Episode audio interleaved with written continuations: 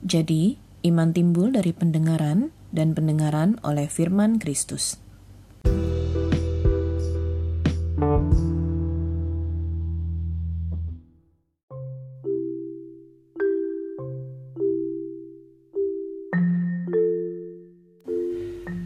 Dalam episode sebelumnya, kita membahas tentang syarat Tuhan melepaskan berkat kepada kita.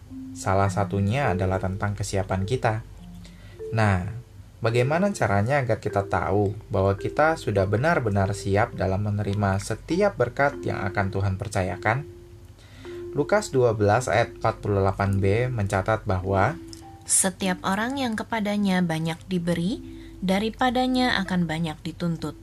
Dan kepada siapa yang banyak dipercayakan, daripadanya akan lebih banyak lagi dituntut. Kata dituntut di sini melambangkan pemberian, karena ketika seseorang dituntut akan sesuatu, artinya dia diminta untuk memberikan sesuatu, bukan? Maka cara terbaik untuk menunjukkan kepada Tuhan kesiapan kita untuk menerima adalah dengan memberi. Lukas 6 ayat 38 berkata, Berilah dan kamu akan diberi suatu takaran yang baik, yang dipadatkan, yang digoncang, dan yang tumpah keluar akan dicurahkan ke dalam ribaanmu sebab ukuran yang kamu pakai untuk mengukur akan diukurkan kepadamu. Dikatakan suatu takaran yang baik, bukan sekedarnya. Karena Tuhan menghargai pemberian yang terbaik dari kita. Ingat bagaimana Tuhan mengindahkan Habel yang mempersembahkan korban persembahan dari anak sulung kambing dombanya, yakni lemak-lemaknya, namun tidak mengindahkan kain yang mempersembahkan hanya sebagian dari hasil tanahnya kepada Tuhan sebagai korban persembahan. Ada perbedaan kualitatif yang besar dari kedua persembahan itu. Sama juga dengan ketika Tuhan Yesus melihat perbedaan besar antara dua peser yang dipersembahkan oleh janda miskin dibandingkan dengan jumlah besar yang dipersembahkan oleh orang-orang kaya. Bukan kuantitas yang dilihat oleh Bapa, namun kualitas. Pemberian dengan takaran yang baik juga dapat diartikan sebagai pemberian yang murah hati. Lukas 6 ayat 36 menuliskan, Hendaklah kamu murah hati, sama seperti Bapakmu adalah murah hati. Apa ukuran murah hati dari Tuhan? Murah hati menurut Tuhan adalah pemberian yang penuh kasih, sebagaimana teladan yang diberikan Tuhan pada kita. Yohanes 3 ayat 16 berkata, karena begitu besar kasih Allah akan dunia ini, sehingga Ia telah mengaruniakan anaknya yang tunggal, supaya setiap orang yang percaya kepadanya tidak binasa, melainkan beroleh hidup yang kekal. Karunia atau anugerah di sini juga berarti bahwa meskipun manusia tidak layak untuk menerima pemberian Allah tersebut, ia dengan murah hati tetap memberikannya kepada kita.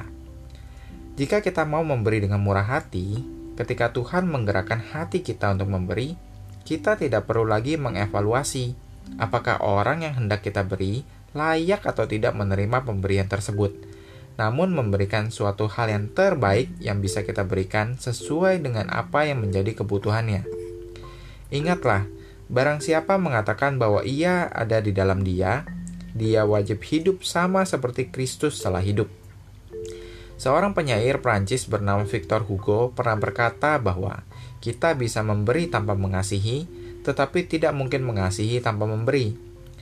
Pemberian yang penuh kasih ditunjukkan lewat konsistensi kita melakukan hal-hal yang kecil, namun memiliki dampak signifikan dalam memenuhi kebutuhan seseorang. Salah satunya dengan memberi pengampunan. Sejauh mana kita mengasihi, sejauh itu juga kita mau mengampuni. Pemberian yang sesuai dengan kehendak Tuhan adalah cara terbaik kita untuk membiarkan Tuhan bekerja dalam kehidupan kita. Karena lewat kita sebagai saluran berkat Tuhan, kita mengizinkan Tuhan untuk terus pegang kendali dalam hidup kita. Karena dengan peka terhadap suaranya dalam memberi, membuat kita terus terhubung dengan Tuhan dan menyerahkan secara penuh semua yang kita miliki kepadanya. Bukankah Lukas 12 ayat 34 berkata, karena di mana hartamu berada, di situ hatimu berada.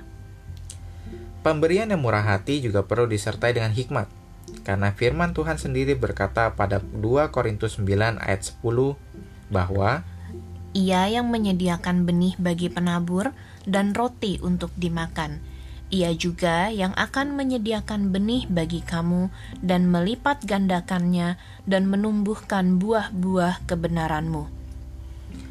Maka sesuai dengan peringatan dari firman-Nya, jangan sampai roti untuk makanan kita juga kita tabur sebagai pemberian. Hal ini tidak hanya terbatas pada pemberian materi saja, namun termasuk segala hal yang dapat kita beri. Mengorbankan waktu yang berkualitas untuk keluarga atas nama pelayanan juga bukan cara yang Tuhan mau untuk kita lakukan. Membantu orang lain mengerjakan pekerjaannya di saat pekerjaan kita sendiri belum selesai juga merupakan murah hati yang tidak tepat. Tuhan mau kita mampu mengelola hidup dan berkat yang Tuhan percayakan kepada kita dengan baik. Amsal 21 ayat 20 dalam terjemahan bahasa Indonesia sehari-hari berkata, Orang bijaksana tetap makmur dan kaya, tetapi orang bodoh memboroskan hartanya. Mari kita terus menyelidiki ketulusan hati dan motivasi kita dalam memberi, seperti dikatakan dalam 2 Korintus 9 ayat 7. Hendaklah masing-masing memberikan menurut kerelaan hatinya, jangan dengan sedih hati atau karena paksaan, sebab Allah mengasihi orang yang memberi dengan sukacita.